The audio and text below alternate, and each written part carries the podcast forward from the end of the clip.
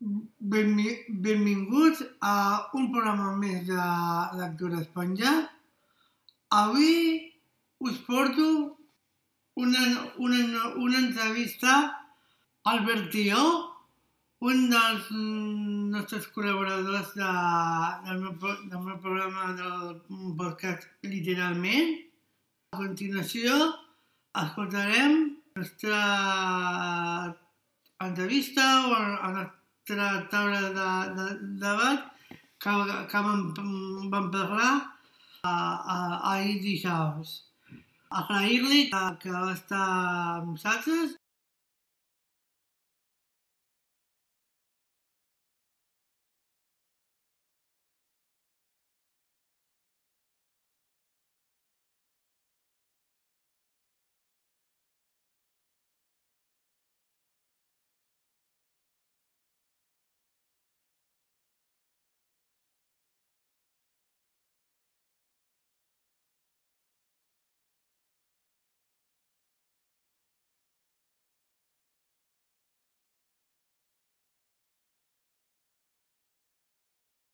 Benvinguts. Eh, avui, avui parlem amb, a, a, amb un dels col·laboradors de, del nostre pro- programa de Li- Literalment i em fa molta, molta il·lusió que, que fem a, aquestes entrevistes així.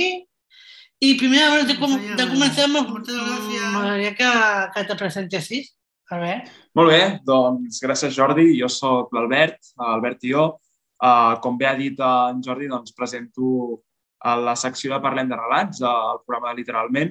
Per què? Doncs per- perquè m'agrada molt els relats, m'agrada molt la literatura. Des de ben petit sempre, sempre he estat doncs, això, una rata de, de biblioteca i doncs, quan en Jordi em va proposar doncs, de començar a fer el programa Literalment, doncs, uh, va semblar perfecte. De fet, la meva germana, la Xènia, que potser també coneixeu, també li agrada molt aquests temes i entre els dos doncs, fem aquesta secció que ja portem un any, un any, més d'un any ja, em penso.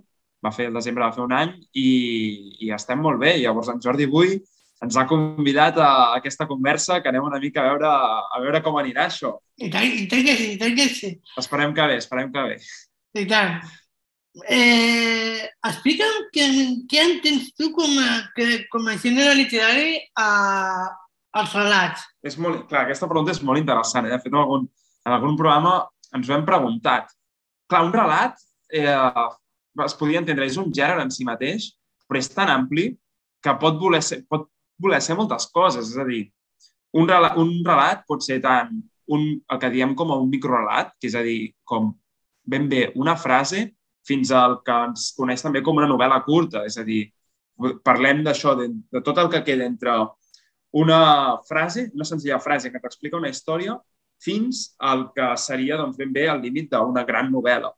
Per tant, tot això, tot aquest espai que queda aquí, és el que crea el relat.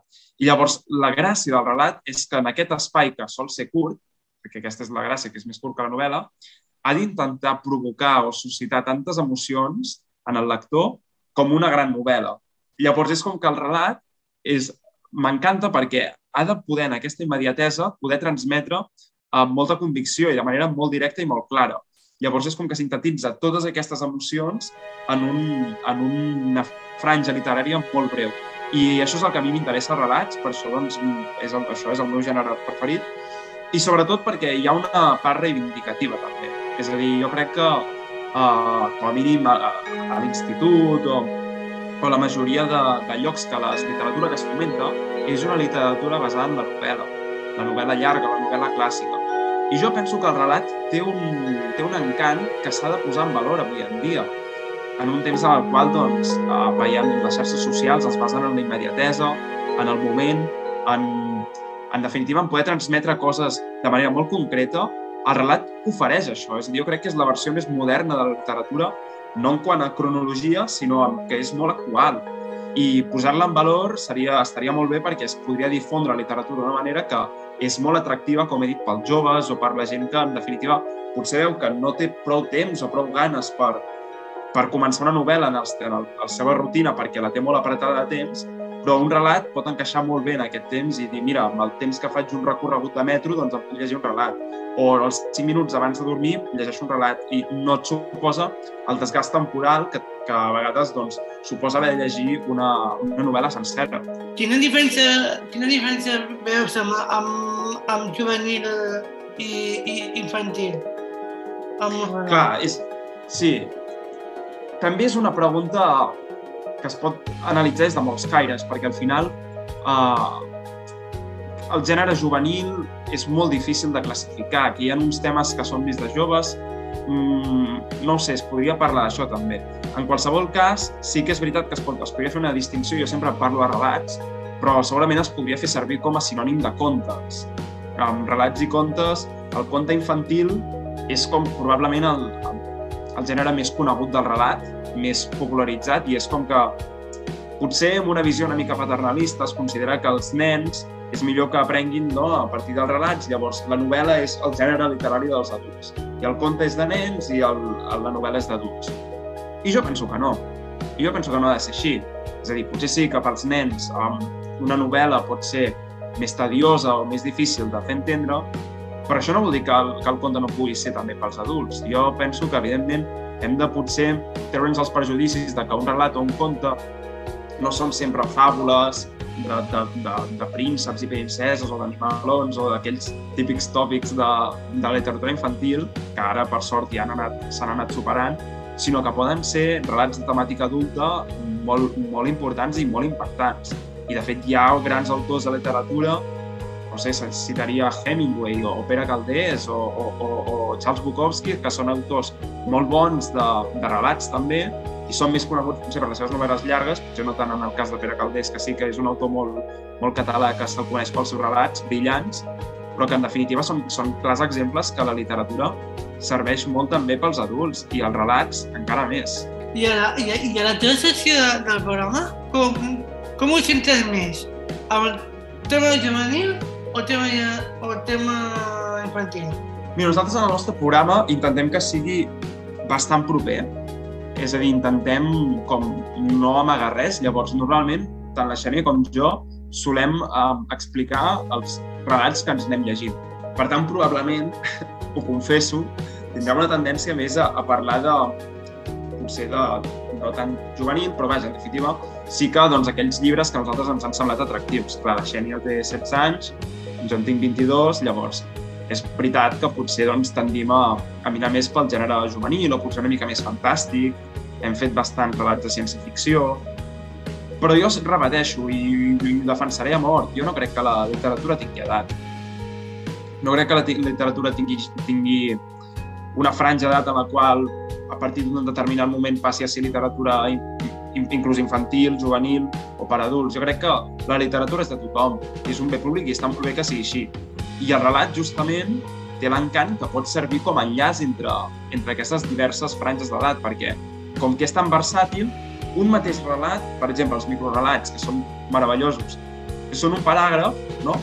una idea, res, una o dos o tres línies, que poden agradar tant als nens o les, els, els infants més petits fins a les persones més grans. I cada un, la, la, la, gran, la màgia d'això, és que cada persona ho interpretarà a la seva manera. Llavors, aquell mateix relat serà interpretat d'una manera per un nen de 3 anys com per un avi de, de 90. I això és molt bonic, és molt interessant, i per això està molt bé que, que es fonamenti el, el relat. Per, per tu, quina, quina, quina importància li dones al, al relat? El relat és a dir, clar, això és una, una planta una mica inclús com personal, perquè és, per mi això és una mica ja subjectiu. Per mi el relat és tot el que he dit, però a més a mi personalment, que m'agrada molt escriure, i de fet, si em permets, et diré que al final de l'entrevista, mmm, per primera vegada oficialment, deixaré anar una sorpresa, una sorpresa per tu, Jordi. Ostres! Um, sí, sí, sí, que està una mica relacionat amb això. Uh, per mi el relat uh, també ha estat un vehicle per escriure, és a dir, és, és una manera que, com he dit, t'obliga a ser molt directe, molt directe i molt honest per poder expressar com una imatge, un pensament, una idea en el mínim temps possible, és a dir, traient tot allò que no és essencial i quedant amb l'essència d'una història. I això és, com, és que és molt vell, és a dir, és un acte de, com, com de un orfebre que va polint un diamant no? per, per, per aconseguir treure la gemma, doncs és, és això, és a dir, és agafar una història, intentar treure allò que no sigui essencial, treure allò que a vegades com pot, podria arribar a distreure, per aconseguir trobar el que realment pugui cridar a l'actor i poder parlar amb ell directament. Um, el relat és això, potser el diari que una persona escriu cada dia a casa seva quan acaba el dia, no? que explica les ah, seves memòries. Ah, això, això també ho consideres com, com un relat? Es podria considerar relat, és a dir, són, són relats que ens, ens, parlem, ens expliquem a nosaltres mateixos. Jo crec que el, el bo del relat és que un relat és allò que tu vulguis que sigui un relat. I aquella persona, segurament més en forma de crònica, podríem veure, però es pot interpretar, o fins i tot es pot fer un diari fictici. Seria un relat, també, evidentment. Llavors, com que segurament està com més desvinculat de, de les formes convencionals d'una novel·la, que sabem que tenir doncs, un nus, un platejament, un desenllaç, no? que segueix... Bueno, en definitiva, hi ha moltes pautes marcades, gràcies a que el potser també, i gràcies a que ha estat més marginat, més oblidat al llarg del temps, és més lliure també. I és una manera doncs, que una persona inclús podrà combinar en un relat, podrà combinar uh, una manera d'escriure més prosaica i una manera d'escriure més poètica, perquè el relat li permetrà això. En una novel·la es pot fer també, però és cert que no és tan convencional. El relat és molt versat i jo em destacaria això com a la gran qüestió. I finalment, com he dit també, que és per la gent que li agrada escriure, també és un exercici molt bo. De fet, ara em ve la frase una, una, una, bueno, una cita de, de Murakami, que és una, un escriptor japonès molt bo, tant de novel·les com de relats, i fa una comparació, una analogia que a mi sempre m'ha semblat eh, molt encertada, perquè el que diu és quan escriu una novel·la, per ell és com passejar per un bosc. És a dir, ha d'estar... És un exercici de molt de, molt, de, molt de temps, d'haver d'estar atent a no perdre's, perquè clar, el bosc és molt gran. En definitiva, clar, un bosc és impressionant. Però en canvi, per ell, escriure relats és com regar un jardí. Comparem la, la imatge del bosc amb la imatge d'un jardí és cert que el jardí no pot competir contra la immensitat del gros, del, del bosc, que és, que és molt gros no? i és molt imponent, però és que tampoc ho vol competir. El jardí no vol ser un bosc, el jardí vol ser un jardí. I està bé perquè hi ha moltes flors que en el bosc no podrien florir, perquè el terra doncs, és més ombrígol, és més difícil, o inclús potser hi són aquestes flors, però en què és tan gran el jardí, ai, perdó, com que és tan gran el bosc, doncs no es poden veure aquestes flors. I en canvi en el jardí les pots apreciar. Llavors, potser és d'això, com que el relat és tan curt, també ens permet fixar-nos en coses que en les novel·les no ens podem fixar. En un diàleg, en una imatge, en una descripció. En una descripció en una novel·la pot ser totalment afegida per, per explicar-te com és un personatge, és que potser en el relat lo important, el motiu pel qual s'ha escrit aquell relat és aquella descripció. I llavors, doncs, en definitiva, crec que, que evidentment, són dos gèneres que es complementen però a mi m'agradaria això, que es complementissin una situació d'igualtat i per això està molt bé que parlem de relats. eh, tu alguna vegada has, has, escrit, has escrit algun conte o algun relat?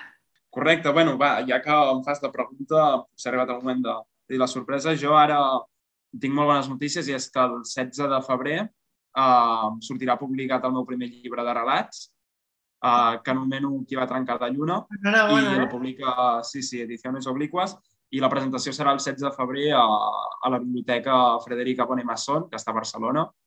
I a partir d'aquí, doncs, bueno, mm, va ser perquè això, m'agradava molt escriure relats, tenia un recull de relats, de fet, amb 18 anys vaig... Tot va començar perquè amb 18 anys vaig escriure un relat que va sortir publicat a la revista Núvol.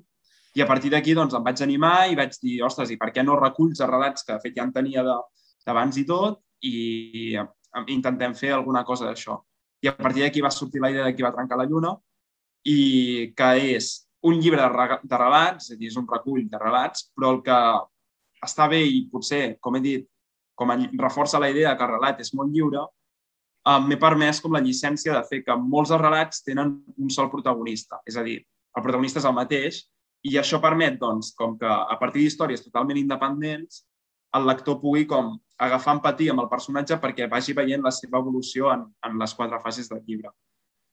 I, doncs, no sé, Jordi, jo et convido a venir si vols, ja et dic, és el, el dia 16 de febrer, si tens, pots un 8 a la teva agenda, estàs més que convidat. Ah, que, que, Et donaré els detalls. què és, per, per matí o tarda? És a la tarda, ja, ja et diré els detalls, si vols, després. Vale, perfecte, perfecte. Eh, eh, per, per tant, així seria la manera que vas tu descobrir aquest gènere? Molt bona pregunta, eh, també. És a dir, què va ser primer, l'ou o la gallina? No, va ser primer el lector o l'escriptor. Sí. Um, en el cas de, del... bueno, almenys en el meu cas, potser en altres és diferents, però jo crec que normalment primer ve el lector. Primer ve el descobrir el gènere i un cop has vist la, la, la gran gamma de coses i d'expressions de, de, d'expressions que es poden fer a partir d'un relat, doncs et ve la idea de dir, ostres, ho vull provar jo també, a veure on em porta aquesta aventura, no? I, doncs, bueno, va començar així. A, a mi m'agrada molt els relats. Potser el, el primer llibre de relats que m'agradava molt era Cròniques de la veritat oculta, de Pere Caldés, per mi és un dels millors, tranquil·lament un dels millors escriptors de, de llengua catalana que hi ha hagut en tots els temps. Um, a mi aquella simplicitat, aquell, aquell sentit de l'humor tan desenfadat de Pere Caldés i alhora aquella capacitat de ser tan màgic i de sorprendre't en, en, en un parell de línies que et canviava tot el, el paradigma, uh, m'encantava. Llavors, a partir d'aquí, després també una mica amb altres autors del realisme brut, també em vaig començar a llegir i, i doncs em va donar idea això de fer el meu propi llibre i, i va sortir d'aquí. Per tant, jo crec que segurament el meu interès pels relats va sorgir a partir de, de llegir-los. Un cop aquí, doncs, tens les ganes de poder com expressar i poder fer els teus propis relats, no? poder-los adaptar a les teves pròpies vivències i a les teves pròpies imaginacions. I també s'ha vist com paral·lelament amb, amb la vessant més periodística que hem estat fent literalment, de poder-los analitzar des de fora. No? Llavors he intentat com combinar això. Com a lector... Per què ho, ho vas fer més periodísticament a literalment? Per què? Clar, sí, és a dir, també segurament el programa literalment de Parlem de relats m'ha permès veure'ls des d'una perspectiva com diferent inclús de les que havia, pots tenir la visió de lector i d'escriptor, però després pot ser l'estudi també des de des d'un analista, no? des d'una persona que, que no només intenta gaudir del, del relat, que és el que en definitiva fa el lector, ell va passar una bona estona llegint, doncs el que fa el, el periodista o, o, o l'estudiant de literatura o la persona que ve a analitzar el relat és intentar trobar com les estructures o allò que constitueix el relat com a tal, no? és a dir, veure més enllà i aprendre del relat. Gràcies a això, segurament, després com a escriptor he pogut aplicar alguns d'aquests coneixements o algunes d'aquestes conclusions que jo havia arribat analitzant els relats d'una manera que quan era lector no feia, no? Perquè quan jo sóc lector, sóc lector i prou. És a dir, jo em deixo importar i no penso en les estructures o en el significat que, té, que tenia a veure amb la seva vida personal de l'autor, no? Però, en canvi, quan compares, no? això parlem de relats, ho fem molt amb la Xènia. Fem el relat i el que fem és comparem o contrastem amb la vida de l'autor moltes vegades. I veiem que el relat té una temàtica determinada i que aquesta determinada té un enllaç, té un, un camí de comunicació amb la seva pròpia vida. Potser no és molt directe, potser no és molt evident, però sempre hi acaba sent. I llavors, clar, això és inevitable. És, és evident que, que, que l'escriptor, d'alguna manera, reflecteix les seves inquietuds en, en el seu relat.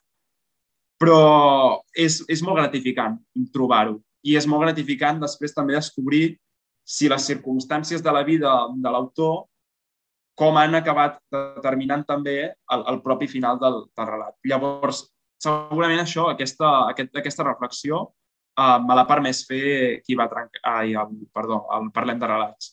Uh, ¿Tú crees que uh, en, en, en Netflix hauria d'haver més relats? Clar, mm, mira, em fa, fa pensar, clar, parles de Netflix llavors. La, el paradigma actual de l'entreteniment per pantalla mm -hmm. s'està basant molt en les sèries. És a dir, el que ara ven, més que grans produccions de Hollywood, que evidentment se segueixen fent, però si ho comparem amb, amb altres temps, el que s'està venent molt actualment ja és com històries que amb capítols, amb petites dosis, eh, ens van, es van venent, no? Netflix mm. ha estat el gran referent d'això. Um, el que ven és episodis, episodis de sèries. Què és un episodi d'una sèrie? Pot ser un capítol d'un llibre o pot ser un relat. Penso, per exemple, en un gran èxit com és Black Mirror. Black Mirror és, són aquelles històries com distòpiques que passen en un context en el qual doncs, cada, cada episodi, cada entrega, és un totalment independent a l'anterior. Totes tenen en comú una temàtica, que això també és el maco de relats. Els reculls de relats, normalment hi podem trobar una temàtica eh, que es va repetint.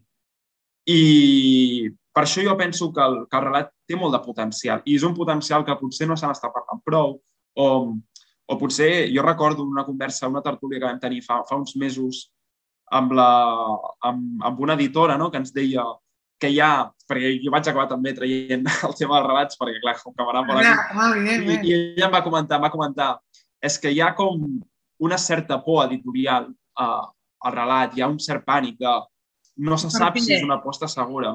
I per què, Exacte.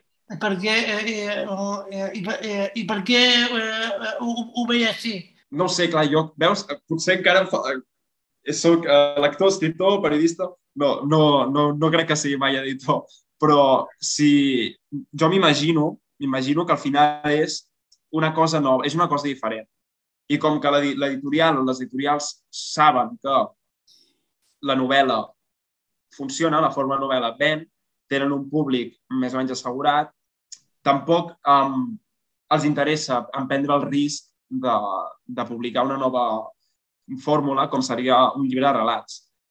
També és veritat que el relat per si mateix és difícil, és a dir, clar, per exemple, aquí va trencar la lluna per escombrar cap a casa, té 54 relats. Clar. Llavors, clar, que t'agradin tots els 54 és molt difícil. De fet, tots els 54 no m'agraden ni a mi. No? Però també és al revés. És Ah. la probabilitat de que dels 54 no t'agradi ni un és molt poc. I encara et diré una altra cosa. Si llegeixes un relat i no t'agrada, mira, hauràs perdut tres pàgines. Hauràs perdut 5 minuts o 10 minuts de la teva vida i pots seguir endavant. Clar, si una novel·la no t'agrada, és més difícil de... Es passaran fins que te n'adonis que, que no t'està agradant. Potser hauràs d'acabar-te el tot, perquè moltes vegades és el que, que has de fer, no? mirar-te el tot i després, un cop ja l'has acabat, ser honest amb tu mateix i si t'ha agradat o no. Clar, el relat no, no et preocuparà tant, perquè el relat, com que, quan te n'adonis que no t'ha agradat, ja s'haurà acabat.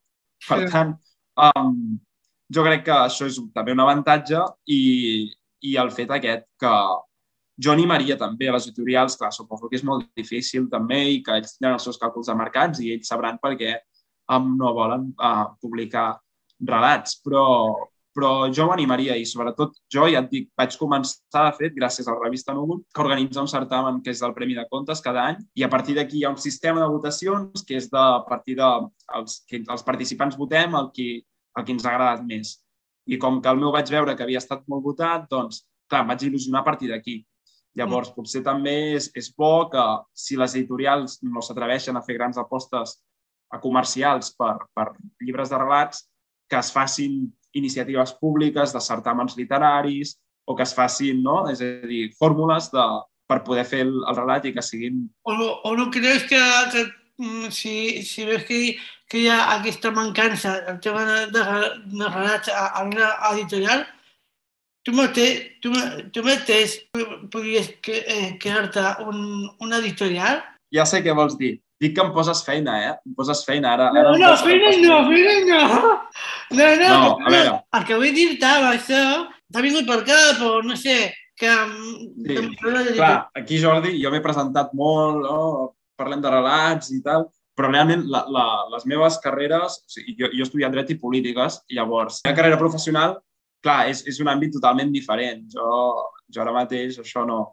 Estic amb les meves carreres universitàries i, i no, no, no em plantejo pas el, el monitorial perquè tampoc he estudiat per això i al final també perquè encara que això, que hagi tingut la sort que, que Ediciones Obliquas m'hagi volgut uh, publicar el llibre, Clar, per no- això t'ho deia, per això t'ho deia. O- Sí.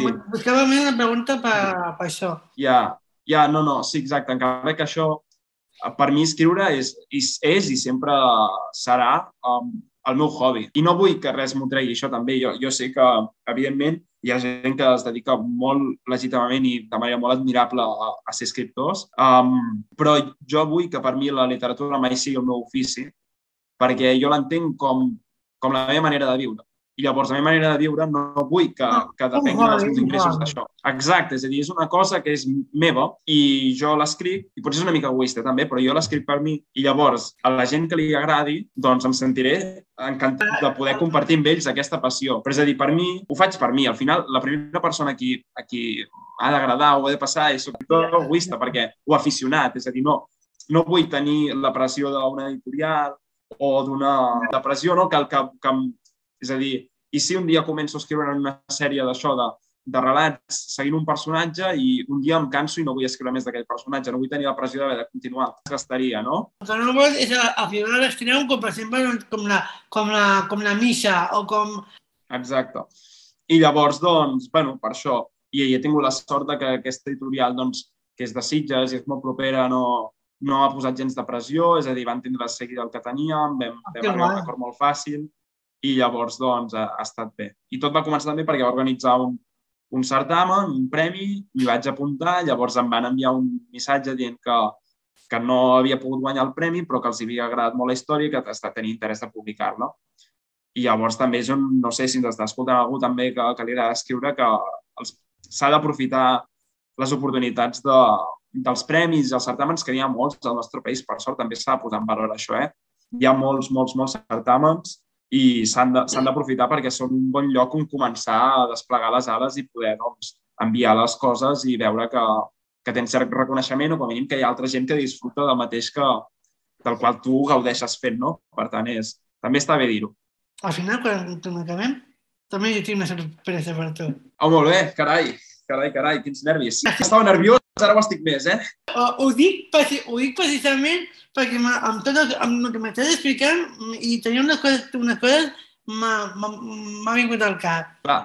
No, no, clar, jo t'he posat difícil perquè tu et pensaves que això seria una entrevista a una persona que parla de relats en un programa de ràdio no? i al final he tret aquesta bomba i ara t'he hagut de canviar les preguntes, has hagut d'adaptar-te, però això també demostra que ets molt bon periodista, Jordi. Sí, la veritat és que sí, és que, és que m'agrada molt, m'agrada molt, la veritat. Sí, sí, sí, també es nota, es nota, Jordi. Creus que la, perquè la, la gent ha de llegir més de, de relats? Sí, és a dir, sí, i quasi bé posaria punt al final de la... Si fos un examen, no posaria sí, i no caldria ni justificar-ho, quasi bé, perquè ah, no? jo crec que és tan evident. Um, no, t'ho justificaré, tant que sí. Um, no només per tot el que ja hem dit de relats, de que són un gènere ideal i tot, sinó perquè cal que en general, que com a societat llegim més. És a dir, els llibres, probablement, o la literatura, és més necessària que mai en un context, per exemple, ara potser em poso en un jardí, eh? però diré una frase una mica polèmica. Per mi, a mi el Twitter no m'agrada gaire. És a dir, trobo que és una, una xarxa social que es basa molt també en, en com fer missatges tendenciosos, crea molts populismes, hem vist, no sé, Donald Trump, per posar un exemple, no? que ha enganyat a, a moltíssimes, milions de persones i els llibres curen la ignorància, la literatura cura la ignorància. Llavors, no hi ha res com, com llegir, llegir el, el que sigui, eh?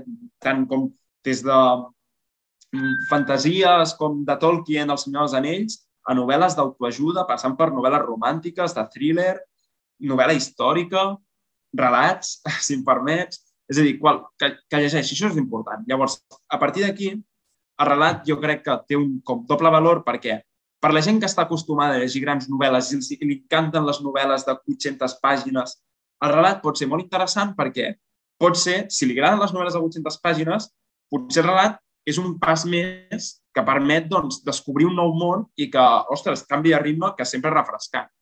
I per la gent que no li agrada llegir, un relat pot ser la manera fàcil i directa d'entrar a la literatura, perquè no et veus amb, amb mira, és que just tinc al costat el llibre que m'estic llegint ara, ¿vale? que no són relats, em sap greu. Però mira, saps? Clar, potser per un... és Brander Sanderson, és una novel·la així de fantasia, aprofito per fer una mica de propaganda. Eh, clar, quan un no lector, quan un no lector veu això, jo entenc que li faci molta mandra començar, no? A mi que m'encanta, ostres, de vegades també dic, ostres, he de portar això a la motxilla, faré mal d'esquena. Però, però en canvi el relat, com que és tan curtet i el veus païble perquè passes dues pàgines i ja veus que té al final, o inclús veus que només és una pàgina, la mandra que, que et suposa, diu, segurament la curiositat acaba sent més gran. i és més fàcil que el comencis i a vegades també un dels problemes d'amics que tinc que no llegeixen em diuen doncs, que els hi costa molt la constància, no? perquè no han tingut l'hàbit des de petits, llavors és com, potser un dia tenen moltes ganes de llegir i s'asseuen i durant dues hores estan llegint, l'endemà ho tornen a fer però només estan mitja hora i el tercer dia ja ni se'n recorda. En canvi, el relat, el bo que té és que aquell llibre, un dia t'asseuràs, si t'asseus dues hores, doncs et llegiràs deu relats i t'encantaran tots. El segon dia que t'assentis i te'n llegeixis mitja hora, en llegiràs tres relats molt bons també i després, el dia que no llegis, no passarà res, perquè el dia que tornis a tenir ganes de llegir, els relats tornaran a estar allà i no caldrà que te'n recordis de res de la història. Perquè, clar, el, potser si després al cap d'un mes vols tornar a reprendre una novel·la, quasi bé l'has de, tornar, de tornar a començar, perquè no te'n recordes de, del principi, no? En sí. canvi, el bo relats és que cada cop que t'asseus i comences un nou relat, estàs com començant una nova història. I pot ser qualsevol cosa totalment diferent. Per tant, també és, és la màgia i crec que és el gran potencial que tenen el, els relats avui en dia. I l'última pregunta que tenia que fer-te és, aquí els relats no, no tenen la, la, la, la mateixa que als altres països. Bueno, què, com, com ho veus? Sí. Um, clar, jo crec que hi ha una part important que és la pròpia cultura de cada, de cada país, de cada poble. Uh, no sé, el, el Japó, per la seva pròpia cultura, doncs és més, mm, per, bueno, és famós, per exemple, pels mangas, no? El manga, de fet, tenia una secció literalment també que parla no, de Catalunya japonesa, que, sí, sí, sí, que parla molt de... Ja, um, nos estarà bé que, que, que algun dia Posem... A, a, a, sí. algun dia eh, a, a, entre els dos, mm. entre els dos de connectar-nos Podríem i... parlar-ne, podríem parlar-ne. Uh, I tant. És a dir, que al final jo crec que respon segurament això, la pròpia cultura o de, de cada, de, això, doncs, de cada poble, de cada, de cada país. Uh, no no, no m'atreviria a dir si aquí estem millor o pitjor que altres països. Um, nosaltres, sobretot, amb la Xènia hem, hem tractat molts relats del, del món occidental, és a dir, hem fet des d'autors uh, britànics o anglosaxons com Edgar Allan Poe, hem fet autors germànics com els germans Grimm, hem fet autors catalans com Pere Caldés, hem fet algun, és veritat que hem fet algun d'oriental com el propi Murakami, però llavors això també és un bon senyal, suposo, perquè si hem pogut tenir de diverses referències, doncs segurament és més possible que a Catalunya o a Europa en general potser no estiguem tan malament, però la qüestió no és si els relats de de Catalunya estan pitjor que els de Japó o que els d'Amèrica o que els del Senegal. És la qüestió de que el relat en general a tot el món té una posició culturalment associada com de subordinació a la novel·la. És com la, la novel·la que ha intentat ser i no ha pogut ser i s'ha quedat en relat, pobret, petit i ignorat, no? I llavors, doncs, jo crec que està bé lluitar per aquesta causa i posar-los en valor et trobis a Catalunya, a Amèrica o al Japó. La sorpresa que et volia... Uh... Va, va, sorpresa, sorpresa. Vale, doncs mira, jo per la... No sé si, si bueno, també estaria, estaria bé, així també que, que, que, que, que s'enterin també la, la gent del meu canal. Uh, doncs mira, uh, el meu canal la, la, uh, la, la vaig a millorar i ho faré a nivell, eh, a nivell més eh, infantil, ¿vale? M'estic posant més, és que uh, vull escriure uh, uh, faràs contes que que m'anirà bé, perquè també m'agrada escriure, i, la, i que es faci més gran el meu canal i que n'hi hagi més eh, eh, eh, eh, eh, subscriptors mm -hmm. i que, i per tant, a, a, a nivell infantil, a que, o sigui, a, a, que, els, que, que a, els editorials i, i això, doncs que puguin participar i, i clar, jo abans de, abans de, de començar a, a això vull dir que a les, a les altres editorials o, o gent, no sé, havíem que, que acariciem la proposta perquè si uh -huh. jo, jo pogués fer vídeos. I aquí et volia demanar-te si si tu pots de, de que eh, em pogués ajudar des de editorials que tu coneixes, o sé que pocs, perquè no és el teu, però que, que, que, que em, em, em poguessin ajudar a, a sí, sí, sí, tant, Jordi. Ja saps, a mi sempre van ajudar-te, el, el que sigui ja... Tampoc ja et dic, eh? Tampoc estic molt... Ja, el tema editorials i així no, no el connectant, però bueno, un tema relats, el, el que faci falta. No, no, em, faré, em faré un més tema de, de relats, eh? No, no sí, sí, sí, sí, sí.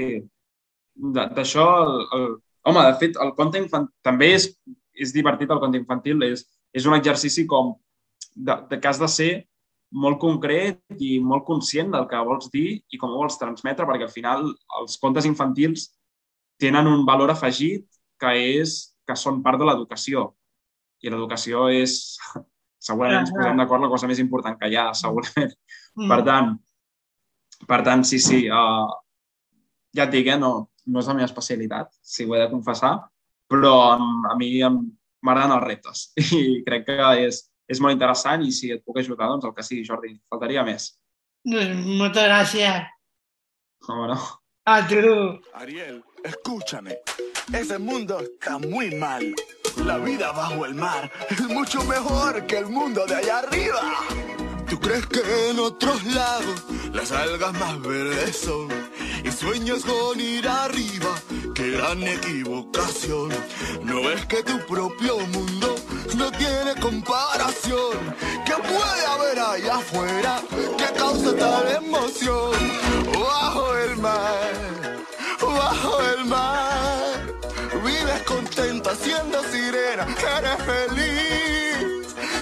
Trabajas sin parar y bajo el sol para variar, mientras nosotros siempre flotamos bajo el mar.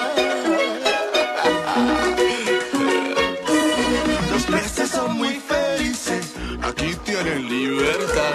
Los peces allá están tristes, su casa son de cristal. La vida de nuestros peces muy larga no suele ser. Si al dueño le apetece, a mí me van a comer. Bajo el mar, bajo el mar. Nadie nos fríe ni nos cocina en un sartén. Si no te quieres arriesgar, bajo el mar te quedarás. Sin problemas entre burbujas tú vivirás. Bajo el mar, hay siempre ritmo en nuestro mundo a la dura. La mantarraya tocará, el esturión se unirá. Siempre hay ritmo, ritmo marino bajo el mar. La flauta, oye el arpa y el contrabajo. Ponle atención, verás las trompetas y el tambor. Disfruta de tu canción. con, la marimba y el violín, la escuchas volteando el otro cantando sin olvidarnos del espadín. Que empiece la fusión.